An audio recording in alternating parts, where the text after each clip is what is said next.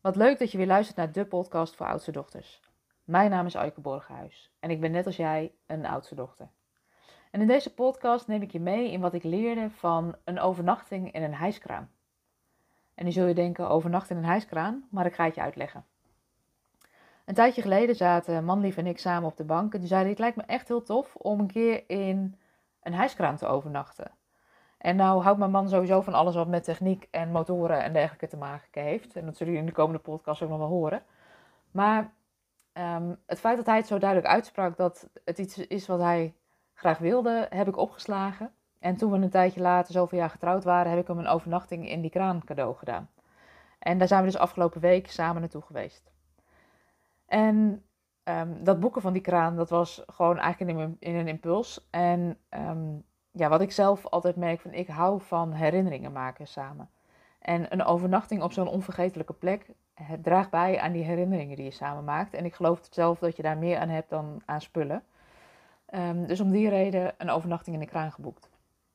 En zo gezegd, zo gedaan, daar gingen we. En nou ja, die actie om die kraan te boeken was best impulsief. En toen ik eens even goed ging kijken op die site, toen zag ik pas dat die kraan op 17 meter hoogte zat. Um, dat je met hele kleine liftjes naar boven moest. En ik ben niet zo'n held met hoogtes. Maar ja, ik had het hem nou eenmaal cadeau gedaan. En ik kon moeilijk zeggen dat hij voor onze trouwdag met iemand anders daar naartoe mocht. Dus uh, wij samen naar die kraan toe gereden.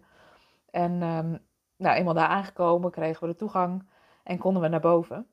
En dat was voor mij echt wel uit mijn comfortzone. Want ja, die liften die zijn. Ja, de eerste lift is buiten in de kraan. Dus het is een, een metalen lift waar je ingaat, waar je doorgaat naar de eerste verdieping.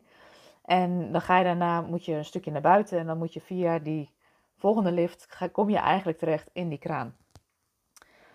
Um, dat was best een dingetje, want nou ja, die, die tweede lift met name, dat was een kleine ronde lift. En er zat een, een uh, paal in het midden en je moest met je voeten die pedalen bedienen. En dat ging allemaal best goed, maar ik vond het wel spannend, want het was eng, smal, hoog. Maar goed, ik denk die kraan die, uh, die zal veilig zijn. En zo gezegd, zo gedaan, wij naar boven. En wat het me brengt sowieso als je dat soort dingen doet, is.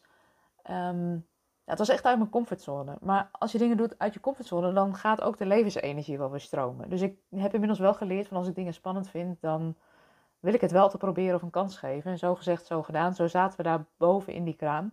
Met een fantastisch uitzicht, fantastisch bed. Uh, uh, we konden nog een trappetje omhoog en dan kon je op de uh, echt in de cabine plaatsnemen van die hijskraan. En de hijskraan draaide ook nog. Dus je kon de hijskraan ook bedienen. Je kon echt nou ja, 360 graden ronddraaien en zo alle uitzichten um, bekijken in Harlingen. En op een gegeven moment was Peter nog even een, uh, een, stukje wandelen en ik zat alleen in die kraan en denk, ja, ga ik nou wel of ga ik nou niet? Dus ik ben uh, in, die, in die hijskraancabine gaan zitten en ik heb gewoon eigenlijk die kraan laten draaien. En dat gaf echt wel een stoel gevoel. Maar wat het me ook bracht, is um, dat het zo helpend is om afstand te nemen van de waan van de dag. Um, doordat je zo hoog in zo'n kraan zit, kan je ineens veel meer zien van wat er onder je gebeurt. Je kunt veel verder kijken, je ziet veel meer wat er nog meer meespeelt. En dat was eigenlijk wel vet tof, ook al vond ik het wel een beetje spannend. Wat zo'n nacht weg me ook bracht, is sowieso dat uitzoomen. Uh, maar ook hoe fijn het is om af en toe gewoon 24 uur afstand te nemen van de waan van de dag, van alle zorgen die je thuis hebt, van het draaien van een eigen bedrijf, van um, ja, zorgen voor de kinderen, het zorgen voor het huishouden. En dat het gewoon zo fijn was om gewoon echt die tijd weer even samen door te brengen.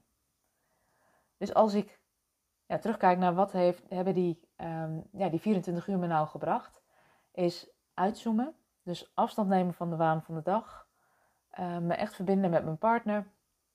Um, dingen doen die ik spannend vond. Ik had nooit bedacht dat ik uh, uh, ooit nog eens in een hijskraan zou slapen. Ik had nooit bedacht dat ik nog eens een keer een hijskraan zou bedienen. En zo over heel Harlingen kon uitkijken. En het heeft me veel gebracht. Um, uit mijn comfortzone, uitzoomen, afstand nemen.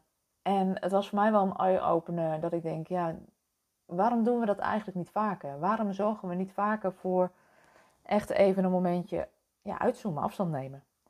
En dat is eigenlijk de uitnodiging die ik ook aan jou uh, wil doen met deze podcast. Wat zou je kunnen doen voor iemand die je dierbaar is? Om gewoon samen even 24 uur ertussen uit te piepen.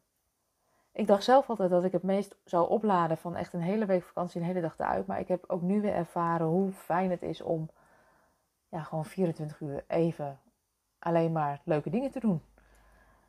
Nou, dat is eigenlijk ook de les wat, die ik heb geleerd uit de huiskraan en die ik jou ook mee wil geven. Um, herinneringen maken is voor mij waardevoller dan voor spullen. En ik denk dat dat voor heel veel van ons uh, geldt.